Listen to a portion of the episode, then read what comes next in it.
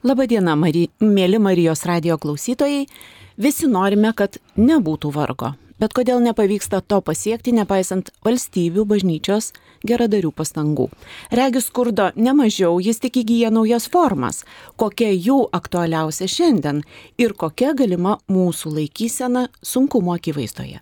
Pasitikdami pasaulinę vargstančiųjų dieną, kurią lapkričio 19 dieną minėsime jau septintą kartą, aktualijų studijoje apie tai kalbėsime su Kauno arkiviskupijos karito kapelionu, kuniku Mantu Šideikiu, nuteistųjų artimiesiems padedančia Renata Dubauskė iš Kauno arkiviskupijos karito ir Rosita Mikieninė dienos centro ateik benamystę patirintiems žmonėms vadove Kaune. Sveiki gyvi visi. Labas rytas. Labas rytas. Renata ir Rosita, visų pirmiausia, naudodamasi progą, sveikinu Jūs abi gavus apdovanojimą iš Kauno savivaldybės už jautrumą ir konkrečią pagalbą pažeidžiamiems žmonėms. Tikrai labai ačiū, labai džiaugiamės, kad esate su žmonėmis, su mumis. Kad esate karitas. Renata, kaip asmeniškai susidūrėt, kad be kalties kalti nuteistųjų vaikai, tėvai, broliai, seserys kenčia? E, Kauno arkiviskupijos karitas jau beveik du dešimtmečius e, teikia sielovadinę ir socialinę pagalbą nuteistiesiems įkalinimo įstaigose ir grįžusiems į laisvę. Ir nuo 2021 metų e, socialinė pagalba tapo tokia struktūruota ir įstatymų parengta. Pirmą kartą nuteistieji socialiniai politikoje tapo kaip atskira grupė, kuriai yra reikalinga pagalba. Ir įgyvendinant šitą tvarkos aprašą mes kaip karitas dalyvaujam antrame integracijos etape. Tai reiškia, kad mes susitinkam su besiruošiančiais grįžti laisvę nuteistaisiais įkalinimo įstaigose. E, teikiam jiem pagalbą, planuojam tą grįžimo visą procesą ir jau grįžus į laisvę taip pat juos palydim. Ir šitame e, antrame integracijos procese jį gyvendinant į mūsų darbo lauką, akiratį pateko nuteistųjų artimieji tiesiog mums reikėdavo kartais patikrinti, ar nuteistasis gali grįžti gyventi jo nurodytų adresu. Ir skambinant e, mamoms, tėčiams, broliams, seserim, močiutėms, e, pasiteirauti, ar tas artimasis gali jūsų grįžti po bausmės atlikimo gyventi e, pas jūs, pastebėjau, kad tie pokalbiai pradėjo užtrukti nuo paprasto pasteiravimo iki valandos ir kartais vos neilgiau ir kažkaip atėjo tas pajūtimas, kokioj sunkioj padėti ir kokiuose iš, dideliuose išgyvenimuose yra patys nuteistųjų artimieji. Kokiuose? Kas sieja? E, sieja labai daug, aišku, tai turbūt taip vienareikšmiškai atsakyti būtų labai sudėtinga, nes pats įkalinimo, patys įkalinimo padariniai šeimai ir artimiesiems priklauso nuo padaryto nusikaltimo rušies. Ir, ir labai skirtingai turbūt ir pati aplinka reaguoja, ir patys artimieji, ar tas nusikaltimas nu, mūsų visuomeniai labai jautru, jeigu tai yra seksualinio pobūdžio, jeigu tai yra žmogžudystė, jeigu tai yra nusikalstama veika padaryta toje pačioje artimoje aplinkoje, bausmės trukmė, ar ne, kaip ir tai didžiulis išbandymas, ar artimasis bausmę atlieka metus, ar ta bausmė tęsiasi dešimtmetį dešimtmetį ir, ir, ir šiek tiek net ilgiau, aišku, pačios šeimos struktūros ir santykių kokybės, kokia jinai buvo iki pačio įkalinimo. Kaip šeima gyveno ir kokie jų santykiai buvo, tai nuo to priklauso, kaip pats įkalinimas paveikia šitus santykius. Ir šeimos, kokia šeima turi, kokius išteklius turi, tiek finansinius, tiek socialinės paramos, tiek asmeninių santykių, e, kad galėtų įveikti tas įkalinimo pasiekmes. Tai vat, labai labai skirtingai, bet patys padariniai, kas vienyje kaip paliečiamos yra visos šeimos, ar ne, tiek, kaip, kaip sakėte, ar ne, ir, ir vaikai, ir tėvai, ir broliai, ir seserys, ir gyvenimo partneriai, tai yra tu pagrindė finansinės, e, emocinės ir psichosocialinės. Ir finansinės tai dažnai vis dėlto didžiąją bausmę, didžiausią dalį bausmės atlieka vyrai, tai labai dažnai šeimos netenka vieno iš pagrindinių maitintojų šeimoje ir, ir tada lieka žmonos, rūpintis šeimomis, vaikais, gyvenimo draugės, mamos, močiutės ar ne, tokį didelį finansinį krūvį ir dar reikia suprasti, kad pagalba finansinė yra reikalinga patiem e, laisvės atnimo bausmę atliekantiems asmenims. Kad tai, tos šeimos turėtų taip, tos šeimos dar jiems ne? reikia padėti, nes mhm. tikrai patekus į kalinimo įstaigą tu nepradedi dirbti iš karto, tiesiog tai yra procesas, kuris užtrunka ir reikalingi tam tikri daiktai ar ne, pagalba prisidėti prie maitinimo, per per, pervedimai ir panašiai.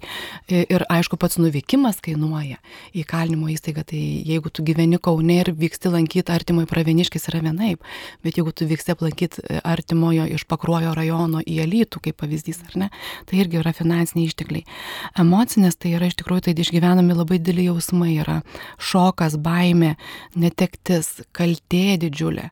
Nežinia. Kalbam apie artimuosius, būtent apie, artimuosius, apie tos žmonės, taip, taip, kurie be kaltės. Taip, kurie be kaltės yra, jaučiasi kalti ir, ir iš tikrųjų labai yra įdomus e, toks... Mm, psichologinis fenomenas, kad e, nuteistųjų artimiai išgyvena netekti ir užsienio literatūroje jinai yra vardinama kaip nepripažinta netektis. Kai mes netenkam artimojo jam mirus, ar ne, mes iš aplinkos sulaukiam daug palaikymo, o šitoj situacijoje artimieji to palaikymo nesulaukia, priešingai kartai sulaukia visuomenės pasmerkimo, stigmatizavimo, ar ne, ir tada jie užsidaro, atsitraukia ir lieka vieni su šitais visais jausmais, kuriuos išgyventi yra netaip paprasta ir tada aišku pakrinka ir psichinė sveikata, ir, ir, ir fizinė sveikata, ir tikrai turiu savo konsultuojamai aplinkoje daug panašių atvejų. Nekalbant apie vaikus, kurie, kurie e, auga, vaikai bręst, čia būtų visiškai e, e, atskira grupė. Labai įdomu, kad vis tiek visos informacijos ieškojomės apie šitą pagalbos grupę, ar ne, socialiai pažeidžiamai grupiai užsienio patirtise ir buvo labai didelis nustebimas, kad mūsų pajūtimas, kad reikia padėti šitai grupiai, užsienyje jau yra pagalba teikiama dešimtmečiais. Ir jau berods 1998 metais buvo išskirtos tokios nepalankios vaikui mm, e, sąlygos ar ne aukt, kurios labai pažydžia vaiką ir, ir, ir jo vystimasi. Ir tarptų dešimties, kur yra apie smurtą, kalbam apie pleistumą, yra būtent įskirtas vieno iš tėvų įkalinimas. Tai jau 98 metais pasaulis apie tai kalba, o mes Lietuvoje atskirų įvardinimo ar pagalbos šitiems vaikams, kurie, kurių vienas iš tėvų yra įkalintas ir apie įkalinimo pasiekmes mes visai dar nekalbam. Ir labai dažnai vaikų teisės yra suprantamos netgi priešingai, kad reikia apsaugoti vaiką, nesakyti tiesos, slėpti, nevežti į įkalinimo įstaigą, kai iš tiesų vaikų teisų užtikrinimas būtų visiškai priešingai, tai pasakyti, kur yra tavo tėtis ar mama ir kiek įmanoma palaikyti tą santyki. Aišku, darote, organizuojate vaikų susitikimus, taip, ar ne? Taip, taip, pirmi žingsniai Lietuvoje, ką mes žengėm šitoj srity, šitai socialiai pažeidžiamai grupiai. Labai ačiū Renata, kad jūs darote šitą svarbų darbą ir Kauno karitui, kad atkreipė dėmesį į šią problemą. Vilniaus karitas, Vilniaus arkiviskupijos karitas taip pat ėmė darbuotis, vis aktyviau darbuojasi šioje srityje. E, dar vienas klausimas, Renata, kaip mes kaip karitas ir kiekvienas asmeniškai galėtume prisidėti prie nuteistųjų artimųjų vargo mažinimo. Aš galvoju, kad kiekvieno iš mūsų kaip žmogaus, o jo labiau kaip tikinčio žmogaus atsakomybė yra pastebėti šalia esantį, kuriam yra sunku. Ir tai yra galimybė žmonėms ir bendruomenėms nelikti abejingoms ir susitelkti pagalbai. Ir tiek nusikaltimo aukoms, ir, ir tiek nusikaltimo e, e, padariusio artimiesiems, laikantis tokio pagrindinio principo, kad e, nusika, e, nusikaltusio artimieji nėra kalti dėl pačio nusikaltimo. Tai yra pagrindinis principas, kurį turim suprast, kurio aš labai dažnai pasigendu skaitydama komentarus po kažkokiu rezonansiniu įvykiu, kur būna parašyta, kokia mama e, pagimdė tokį sūnų ar ne. Ir, o aš šventai tikiu, kad nei viena mama negimdė ir neaugina savo vaiko tikėdamasi, kad jisai taps e, nusikalstamos veikos kažkokiu darytoju, ar ne?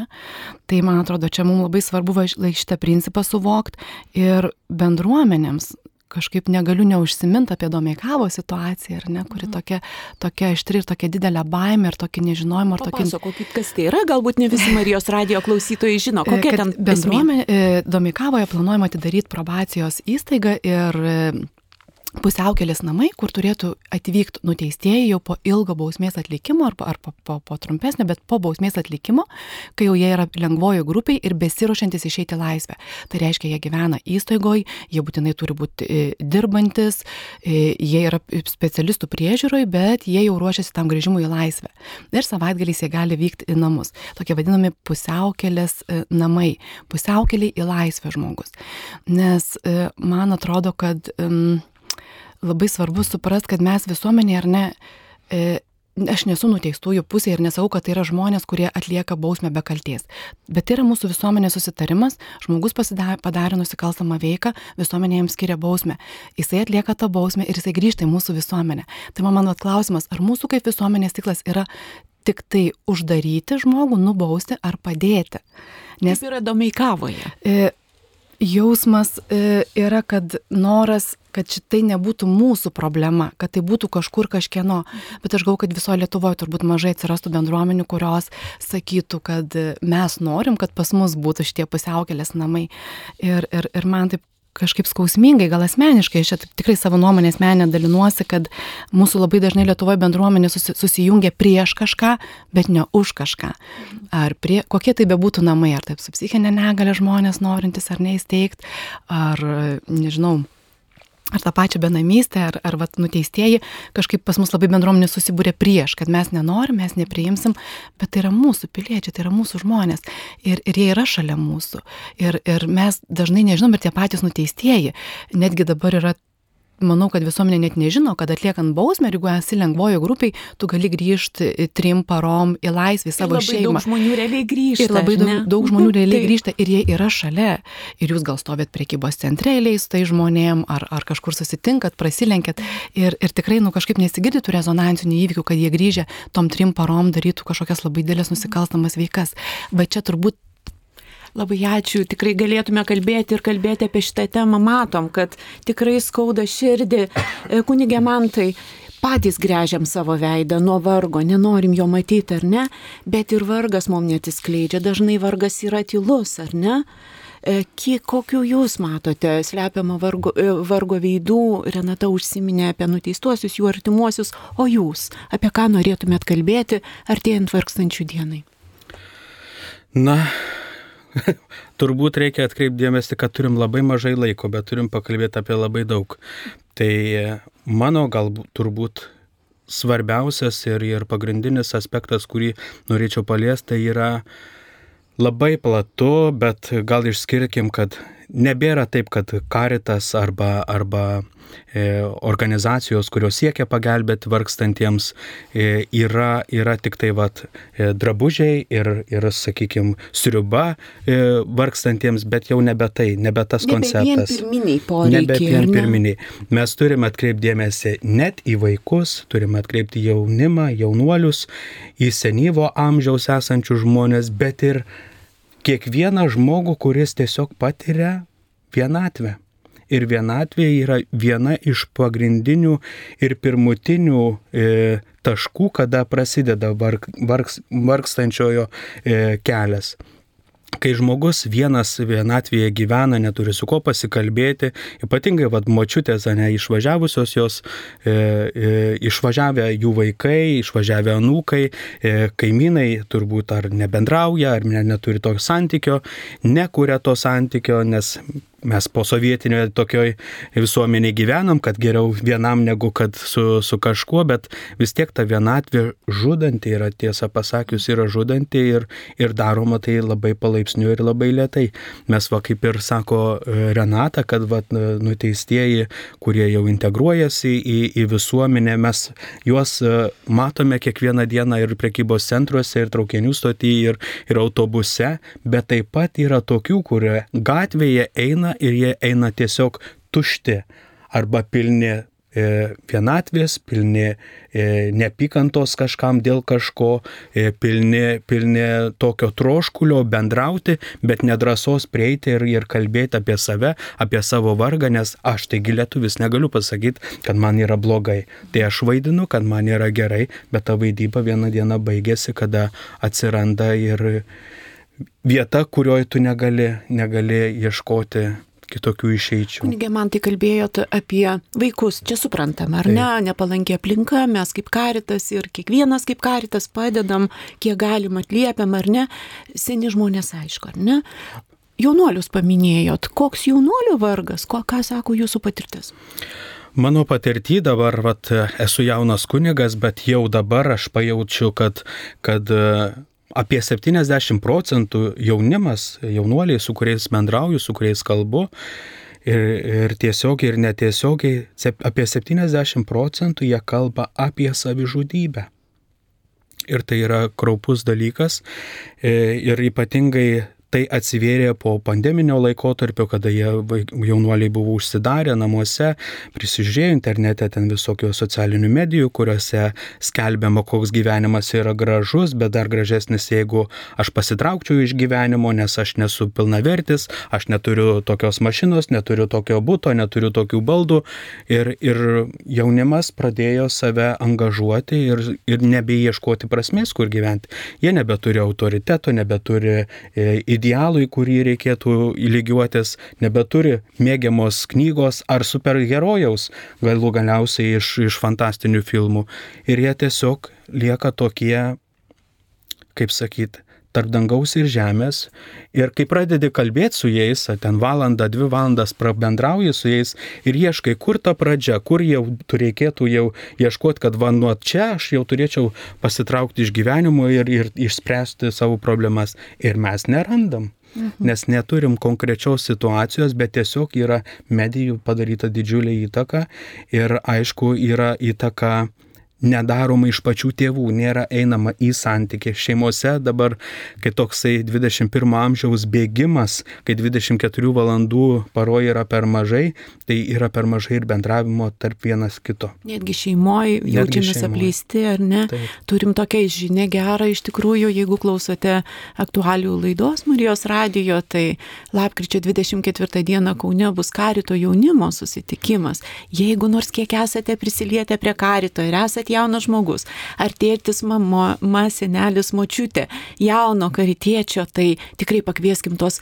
jaunus žmonės, paauglius, jaunuolius, studentus susitikti Kaune, jie vienas kitą labai moka palaikyti, taip, taip. tos vienatvės mažėja ir tikiu, kad užkurs jaunimėlis karito iš tikrųjų vyksma Lietuvoje ir man tai jūsų paminėta problema tikrai turėtų spręstis. Taip, kai jaunimas įsijungia, jaunuoliai įsijungia į veiklą, kurioje galima rinkti maistą, vad kaip jungiamės į ukrainiečių situaciją, kaip ir popiežius minė savo e, laiške šiais metais e, vargstančiųjų dienai paminėti, kad jungimasis, vad buvo, pažiūrėkit, kokią mes nuostabę turėjom patirtį e, priimant ukrainiečius patekusius į, į vargo, vargo dalę, sakykime taip, ar ne kaip visuomenė, kaip mūsų visa Lietuva susijungia, kad galėtume padėti. Ypač karitą, žiūrėkit, ir visos organizacijos, kaip mes jungiamės, kad galėtume įtraukti ir gydytojai, ir profesoriai, ir teisininkai. Ir, ir pats jūs, kunigė, šypsotės, nes pats labai dalyvavote ir o dar kaip dalyvau.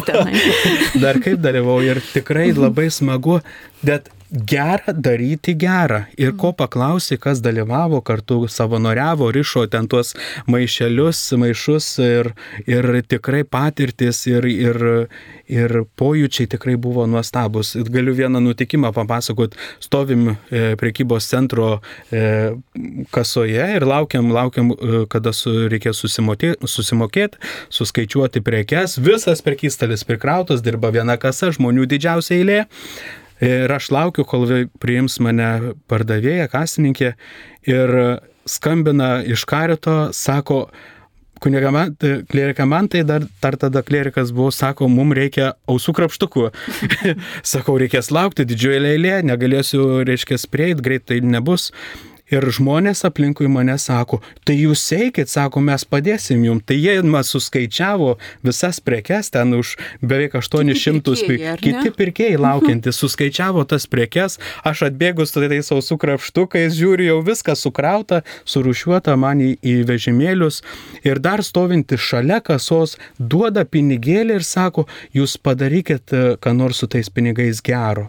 Tai va tokioj patirti, žinokit, nieko neprašai, nieko nesakai sakai, bet tu vat esi tylus ženklas, kad daryti gerą yra gera. Labai ačiū kunigė už tokį gražų liūdimą artėjant vargstančiųjų dienai, kurią jau septintą kartą minėsime šį sekmadienį, pradėdami karito žvakelių akciją, kur iš tiesų galės žmonės ir paukoti geriems darbams, ir dovanų parsinešti žvakelę, o jas taip pat daro žmonės, kurie patiria vargą, kuriems tai yra labai svarbios darbo vietos, tai yra karo pabėgėliai, tai yra žmonės dalinio darbingumo, dėl sveikatos priežasčių, dėl socialinių įgūdžių stokos.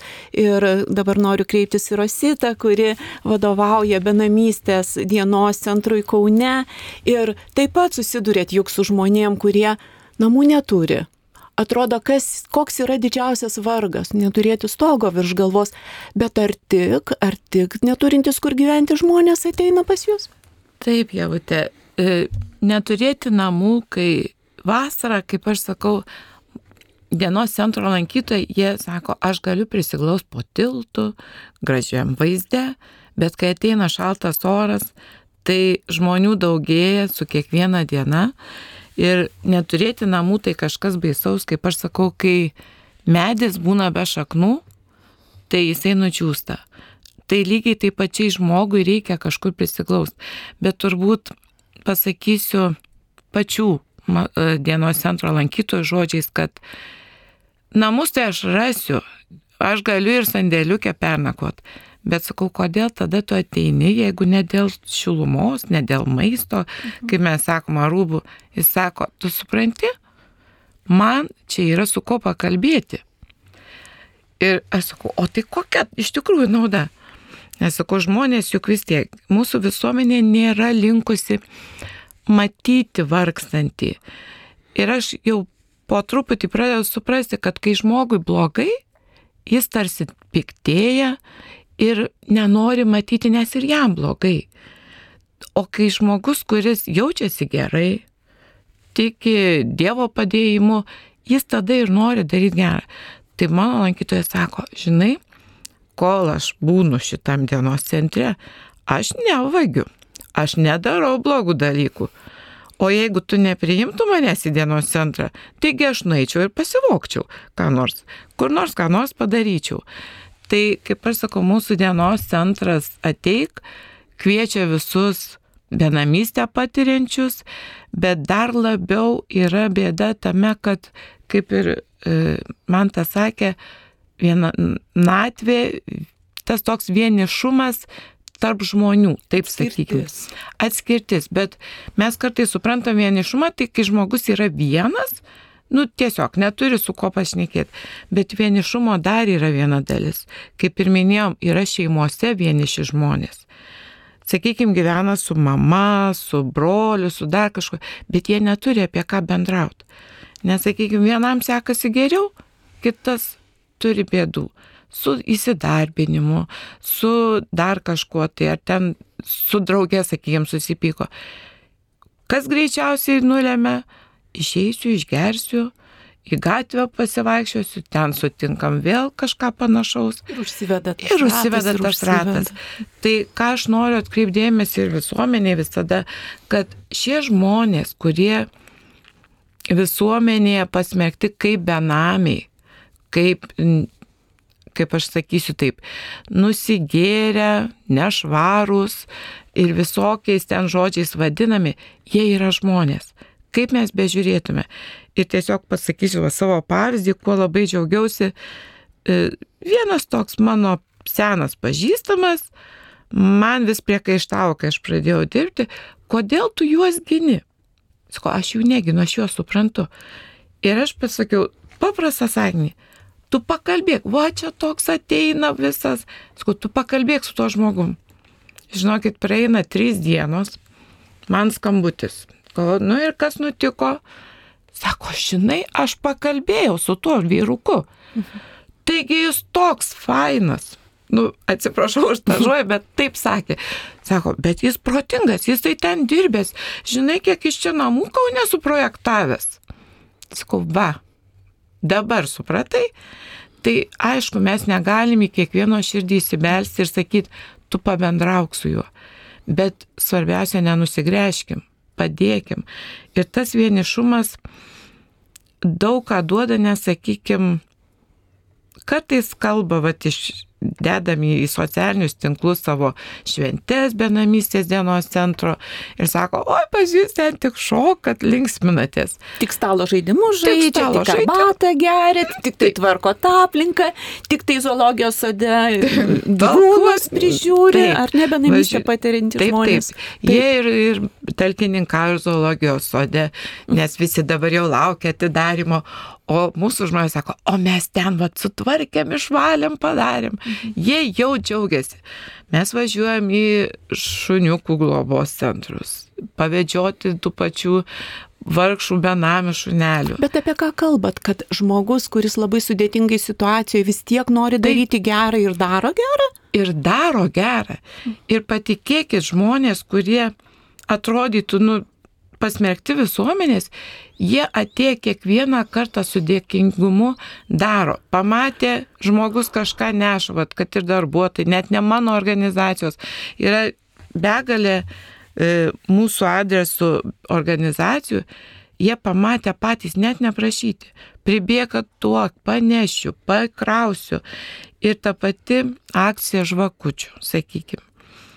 Tai gerumą tą dalinti jie patys sako, kai sakau, va bus akcija, aš norėsiu savanoriauti. Na va, o mes savo ruoštų kviečiam savanoriauti benamystės centre. Ir kodėl Rosita tai svarbu ir ką benamystės centre savanoriai daro. Dar tik pridursiu, kad čia irgi yra e, sienų e, griovimas, stereotipų naikinimas ar ne. Būtinai. Ir savo pačių vienišumo sprendimas daryti gerą. Tai ką gali daryti pas jūs centre savanoriai? E, pirmas ir ką labiausiai žmonės nori, Jie atėjo, sako, mes jums galim padalinti maistą, galim parušiuoti ką nors. Ir mano būna toks atsakymas, gal pirmiausiai pabendraukim. Nes žmonės labai nori, lankytojai turiuomenį, labai nori bendravimo. Ir net pat paskutinis atvejis, vakar mes minėjom vargstančių dieną, turėjom svečių iš gyvųjų akmenų, iš karito bendradarbių. Žinot, ko labiausiai, nu, buvo tikrai smagu, mes žaidėm, mes gėdojom, dainavom, mus laimino. Ir jie vienintelio, ko apgėlėstavo, mažai laiko, nepasėdėjom arbatos, pagėrėm ir artimiau nepabendravom. Tai Kaip jie... gražu, kad šventė iš tikrųjų benamystės centras, kaip ir karitas, kviečia kiekvieną vargstančių dieną Taip. švesti, nekalbant apie, mes truputį kalbam apie mhm. dabar, bet su. Taigi mūsų irgi šio susitikimo tikslas turbūt paskatinti susitikti su žmonėm, o ne su stereotipais apie žmogų. Teisingai? Taip, bet tos iš ankstinės nuostatos ateiti tiesiog su atvira širdimi ir pamatysit, kokiom atvirom širdim tie benamiai. Juos tik reikia priimti. Labai ačiū Rosita už tokį šiltą pasidalinimą ir tikrai gražu, kad graudinatės kalbėdama, nes tai rodo, kaip tai jums yra svarbu, kokie jums tie žmonės svarbus ir, ir ačiū, kad esate tikrai širdies karitietė. Ačiū. Pasaulinė vargstančių diena karitui viena esminių. Žinia vargstančiųjų dienai, kurią sekmanį minėsime jau septintą kartą, popiežius Pranciškus pradeda konstatuodamas, jog kasdienių mūsų pastangų priimti vargšus nepakanka per mūsų miestus teka skurdo upė, kurie liejasi vis plačiau ir atrodo, kad tas rautas mūsų užtvindys. Kunigė man, tai kokios mintis iš šių metinės šventojo tėvo žinios vargstančių dienai jūs palėtė asmeniškai? Aš e, galvoju, kad e, popiežius labai taikliai pastebėjo, kad plūsta į visas gatves tas e, vienišumas ir vargstančiųjų dalė E, tai apimant ir, kaip kalbėjom, ir vaikų dienos centrai, ir benamystę patiriančių, ir epilepsiją sergančių, ir e, nu, nuteistų integracijos problema, ir vienišmo problema parapijose. Visur mes turime kur e, dalyvauti, bet dėja karitas neturi tiek ir pajėgumų, tiek ir rankų, ir širdžių, kad galėtų visiems padėti. Tai tie barai, sakykime, plečiasi su kiekviena diena vis, vis labiau ir labiau ir tas reikalingas palaikymas palaikymas ir iš bendruomenės, iš visuomenės, e, aišku, ir valstybė e, prisideda ir, ir kiekvienas žmogus galėdamas prisidėti savo talentai, savo, savo, savo turtu, sakykime, savo pinigėliu. Tai Aš manau, kad popiežius labai taikliai pastebėjo ir kalba čia apie visą pasaulį, kokios tos problemos yra, bet ir mūsų lietuvėliai, žiūrėkit, kaip mes irgi tvarkomės, kaip mes bandom padėti tiem žmonėm ir padedam ir ne tik tai, kad žodžiu ar ten gražiais ditirambais, bet ir e, faktiškai, ir fiziškai, ir materialiai, ir, ir, ir visom, kom galim. Tai popiežiaus tikslas yra atkreipti dėmesį iš, į e, šitą dieną, į vargstančiųjų dieną, pasaulinę vargstančiųjų dieną, bet turiu atkreipdėmėsi, kad karitas, nepaisant to, kad minima viena diena, keurus ištisus metus dirba ir, ir tarnauja žmonėm ir padeda. Ir, ir atrodo, vat, kaip ir kalbėjom, kad 24 valandų yra vis per mažai ir savaitėje dienų yra per mažai, kiek mes norėtume padėti, kiek tų karito savanorių širdis nori plakti kartu su, su kitais žmonėmis. Kunigė, man tai prieš laidą kaip tik kalbėjom, kad popiežių žinia yra tokia talpi iš tiesų, kad atrodo specialiai kiekvienam parašyta ir kai kur man. E, Lietuvos karito Facebook'e mes išryškina mintis, dalyjamės kasdieną, kad prakalbėtų šventojo tėvo žodžiai į mus, bet ne šiaip savo vien tik kaip tikrai talentingo mąstytojo mintis, bet kad mūsų uždegtų taip pat geriems darbams ir per tai mes rastume daugiau prasmės savo gyvenime. Taip. Taip, ir tie žmonės, žinokit, visi, kurie klausotės, atkreipsiu dėmesį, e, pay attention angliškai, sakykime, tai e, turite gyvenime kažkokių patirčių, kurios jūs praturtino, turite talentų, kuriais galite pasidalinti ne tik su savo artimaisiais, savo aplinkoje, savo darbo ar, ar bendruomenės e, dalyje ir, ir, ir E, veikloje, bet jūs taip pat galite ateiti į karitą ir mes tikrai jums rasim vietą, kur jūs galėtumėt savo talentą, ar piešimą, ar dainavimą, gėdojimą, e, statymą, lipdymą, puošimą, nežinojimą, ką daryti, savo balsą, savo širdį atneškite į karitą ir mes tikrai priimsime ir tikrai patikėkit manim, darydami gerą, tikrai pajausite gerą e, širdį ir gerą atmosferą, kurioje nėra tik tai, žinot, ta visuomenės dalis, kuri tik tai šaukia, kaip mums blogai. Bet blogai yra tada, kada tik šaukiam, bet nieko nedarom. Tai ateikim, darykim gerą. Ne visoje Lietuvoje yra karitos skyriai, tai tik norėčiau pridurti kunigė man tai, kad e, galime tiesiog daryti gerą savo artimiausioje aplinkoje, net ir pradedant nuo savo šeimos, nes ką tik girdėjom, kad vieni kitiems laiko neskiriam, pamatyti kaimyną, pamatyti žmogų nepažįstamą, susipažinti, kaip minėjote, prie kasos, sumokėti už kitą žmogų. Tai čia gerumo darbai, kuriuos galim daryti net ir nebūtinai organizuotai, bet ir kiekvienas asmeniškai. O sekmadienį, minint vargstančiųjų dieną, bažnyčiose bus pašventintos jau 26 kart visoje Lietuvoje rengiamos akcijos Gerumas mus vienyje žvakelės. Net 80 tūkstančių už auką dovanojimų žvakelių iki kalėdų pasklido šalis po geradarių namus kur paukoti karitui, kad kuo daugiau stokojančių, vargstančių, nelaimės ištikto, ištiktų žmonių sulauktų pagalbos, informacijos rasite karito svetainėje Caritas LT. O mūsų Facebook'o paskyroje, kaip minėjau, rasite ir popiežiaus žinios vargstančiųjų dienai akcentus, o taip pat galėsite įsiskaityti į ją visą ir tikrai labai labai kviečiam tą padaryti, artėjant sekmadieniui, kurią, minės, kurią minėsime vargstančiųjų dieną dieną. Taigi, jau mūsų laidos liko 8 minutės, tai kaip tik paskutiniams dviems klausimams, kuriuos parengiau jums visiems. Renata, Rosita ir kunigė Mantai. Visai baigiantis laidai, du bendri klausimai būtų šie. Ar esate savanoriavę gerumas mus vienyje žvakelių akcijoje ir kaip sekėsi? Tai Renata. E, keletą metų yra tekę savanoriaučioje akcijoje su šeima. Ir pamenu, kad kiekvienais metais sunkiausia žengti būdavo tą pirmąjį žingsnį. Atrodo, kad prašyti yra sunku ir neretai būdavo, kad ir iš aplinkinių išgirstų paskui pasidalinus, aš taip negalėčiau eiti ir prašinėti. Bet kaip ir sakiau, sunku tik tas pirmas žingsnis, e, nes žengus tą žingsnį supranti, kad tai visai ne apie prašymą, tai apie bendrystę, apie dalinimąsi ir tai apie galimybę, galimybės suteikimą žmonėms padaryti gerą. E, ir kažkaip tokių dar juokingų situacijų būdavo, kad pastebėdavom, kad kai jau vakarė grįždavom su šeima ir, ir, ir apibendrinavom, kaip sekėsi tą dieną, atsimenu, vyras e, sako, nu bet tai moteris tikrai daug dosnesnės. Aš sakydavau, ne juokauk, vyrai daug dosnesni. Supratau, kad e, čia litiškumas irgi suveikia turbūt kažkokia, kažkokia chemija įvyksta. Kad reikia taip, mums visokių savanorių. Taip, visokių. Ir, ir tikrai ir atsimenu, ir, ir motiejus, mūsų sunus, tai būdamas ant 3-4 metų, tai irgi savo indėlį visai nemažai neždavo iš šitą akciją, tai kažkaip pakvieščiau išbandyti e, šitą kelią, kaip pat ir kunigas man tas sakė, išdrįst ir tai ne apie prašymą, tai apie bendrystę ir galimybę kitiems padaryti gerą. Mes kartais bijom prašyti, nes atrodo, nu, lik prašymas, lik prašyti ne faina.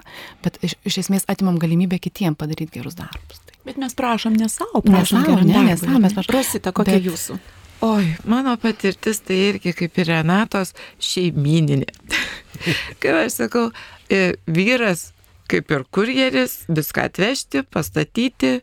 e, Dukros mano jau šiaip visos trys, nes viena jau dirbo karite, kitos mažesnės, bet mūsų ta tokia patirtis, kad tai labai smagu, tai labai gera. Savanoriauti gerumas mus vienyje Taip, gerumas platinant vienyje tiesiog taip? suteikia to smagumo ir, nu, sakykime, mano mažiausia dukra, tai jinai net mokykloje, kai prasideda socialinių valandų skirstimai, sako, auklėtoja, žinau, kur galim užsidirbti valandų. Tai tas užsidirbti, sakau, tai neužsidirbti, nu tiesiog. Tai jo, jo, sako, aš visiems klasiokams sakiau. Tada jau aš tikybos mokytojai sakiau. Sakau, o patys, tai, nu, iš tiesų, kiekvienais metais laukiam tų akcijų, nes tai tikrai smagu. Ir kiek pas mane yra vat, savanoriavę, per pernai, sakykime, buvo iš kitų mokyklų mokiniai atėję. Tai kartai žmonės klausia, o tai čia vaikų dienos centrui, o tai čia ukrainiečiam, o tai čia kam? Koks skirtumas kam? Realiai tai nėra svarbu kam, svarbu daryti tą gerą. Kur labiausiai reikia. Kur labiausiai Nes reikia, taip. atsiliepia ten, kur skauda, ten, Taip, kur dabar aišku, ta tokia labiausiai reikia. nesmagi patirtis, kai tu pasakai, kad e, benamystę patiriantiems, tada žmonės susimasto. Tai jiem Čia... Ar verta, ar ne? Jo, ar Gal jie verta? patys kalti. Vėl lenda Bet- tie stereotipai mūsų. Taip, taip, lenda tie stereotipai ir manau, kad karitas tengiasi visų kuo, kad tie stereotipai sulūštų. Kunigė man. Aš e, su ta akcija kontakte buvau tiesioginiam tik tiek, kiek e, buvau kurjeris tiesioginis dėžėmis, vežiau tas žvakeles, kur, kur tik tai reikėjo ir e, pats e, pačiam neteko stovėti, nes visą laiką reikdavo vis papildymo tai ten, tai ten ir, ir toks skraidimas po, po miestus, tai būdavo tokia patirtis, bet labai, ir taip. Labai džiaugiamės, kai reikia papildymo. Vadinasi, žmonės aukoja geriems Taip. darbams ir karito žvakelis sklinda po geradarių namus. Baigiant, baigiantis mūsų laidai, liko keturios minutės, ko palinkėtumėt, e, Renata, mums visiems, artėjant vargstančių dienai, kiekvienam, savo, savo, savo šeimos nariam, savo kolegom. Aš gal palinkėčiau jautrumą, nes e, jeigu mes jo neturime, mes nepastebėsim šalia žmogaus, kuria, kuriam yra sunku, nes e, turbūt, kaip ir kalbėjom apie daugelį grupių, yra žmonės, kurie niekada neišdrys pasakyti, kad man sunku ar aš turiu problemą. Tai kažkaip tos jautrios širdies norėčiau palinkėti ir to tokio dėmesingo žvilgsnio į, į savo aplinką. Aišku, pirmiausiai savo artimą aplinką, savo šeimas, jeigu mes negalim būti tie jautrus ir pastebinti žmonės savo šeimose, savo aplinkoje, tada sunkiau pastebėti ir toliau esančius. Tai toks tokį įstabumo, jautrios širdies ir jautrumo ratilas kleis aplink save. Ir jeigu mes visi tuos ratilus tokius kleisim, tai, tai man atrodo visiems bus e, smagiau gyventi šitą visuomenę. Ir dar taip apie savo vėl, vėl tą jautrę grupę nuteistų artimuosius, gal minties, kurios nespėjau pasakyti, labai norėjau pasakyti, kodėl matau prasme tame padėti tiem žmonėm, nes tai yra apie mūsų visų bendrą saugumą visuomenės. Tai va tai. Kuo daugiau nuteistųjų grįš į namus, kuo turės tuos išsaugotus ryšius, mažės nusikalstamumas, mes busim saugesni. Ir, ir vat, būkim pastabus tiem žmonėm, kurie ne, nedrįsta prašyti pagalbos, būna patys save nusibaudę užsidarę. Ir tam vaikui, kurio gal tėtis įkalinimo ir- ir- įstaigoje, nevengti temos, o pakalbinti švelniai. Pakalbinti, nevengti tos temos ir neužkliuoti etiketės, kad jeigu jis elgesi blogai, tai dėl to, kad jo tėtis yra toks ar mama yra tokia. Tai dažniausiai yra visai gilesni pažeidimai, kuriuos reikėtų padėti vaikui išgyventi. Rusite. Taip, tiesiog kaip ir mūsų šūkis, gerumas mus vienyje. Tai aš kviečiu visus, ne tik tai karitą vienyje, tai visą visuomenę vienyje. Darykim kiekvieną dieną konkrečius, nors ir mažus darbus. Ačiū, Rusite. Aš kaip kunigas noriu trumpai pasakyti, gerbiami klausytojai, atsistokit ir nueikit prie veidrodžio ir tam veidrodį pamatysit žmogų, kuriam pasakykit, kad nepaisant visų negandų, visų vienatvių ar ten iššūkių ir, ir visokių neigiamų ir teigiamų pasiek, pa, patirčių, pasakykit tam žmogui, kad Dievas tave myli ir visada bus šalia tavęs. Nes aš kaip pasakysiu, žmonės netiki, tai pasakykit tam žmogui, kuris yra veidrodį. Ačiū. Tiek šiandien Marijos radio aktualių laidoje, ją vedžiau aš Lietuvos karito komunikacijos koordinatorė Jeva Urbonaitė. Labai labai ačiū Jums visiems, gražios vargstančiųjų dienos, e, ačiū klausytojams, kad buvome kartu ir iki kitų susitikimų. Iki. Ačiū iki. Sudė.